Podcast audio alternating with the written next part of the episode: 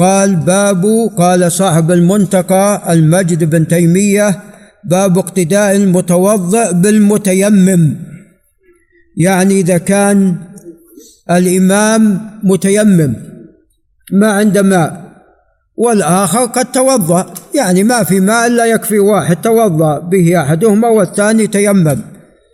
فلا يقول المتيمم صل يا أيها المتوضأ. أو المتوضأ يقول أنا أولى منك لأني قد استعملت الماء وأنت استعملت التراب. نعم. وإنما يقدم الأقرأ. فإن كان المتيمم الأقرأ فهو المقدم وأن ذلك لا بأس به. قال فيه حديث عمرو بن العاص في غزوة ذات السلاسل وقد سبق فأصابته الجنابة. فتيمم جاء في رواية أنه توضأ لأعضائه وتيمم لباقي جسده وصلى بهم. وفيهم أبو بكر وعمر رضي الله تعالى عنهما وعن الصحابة جميعا فلا بأس بذلك. قال وعن سعيد بن جبير الأسد الوالبي قال كان ابن عباس رضي الله عنهما القرشي الهاشمي في سفر معه ناس من أصحاب رسول الله صلى الله عليه وسلم منهم عمار بن ياسر العنسي رضي الله عنه رضي الله عنهما.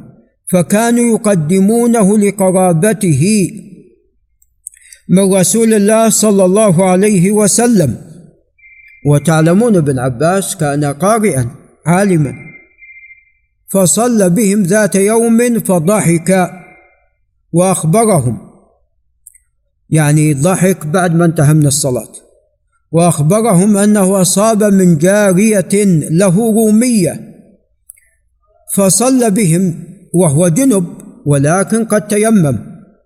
رواه الاثرم أحمد بن محمد الطائي. أبو بكر الاثرم من كبار الحفاظ.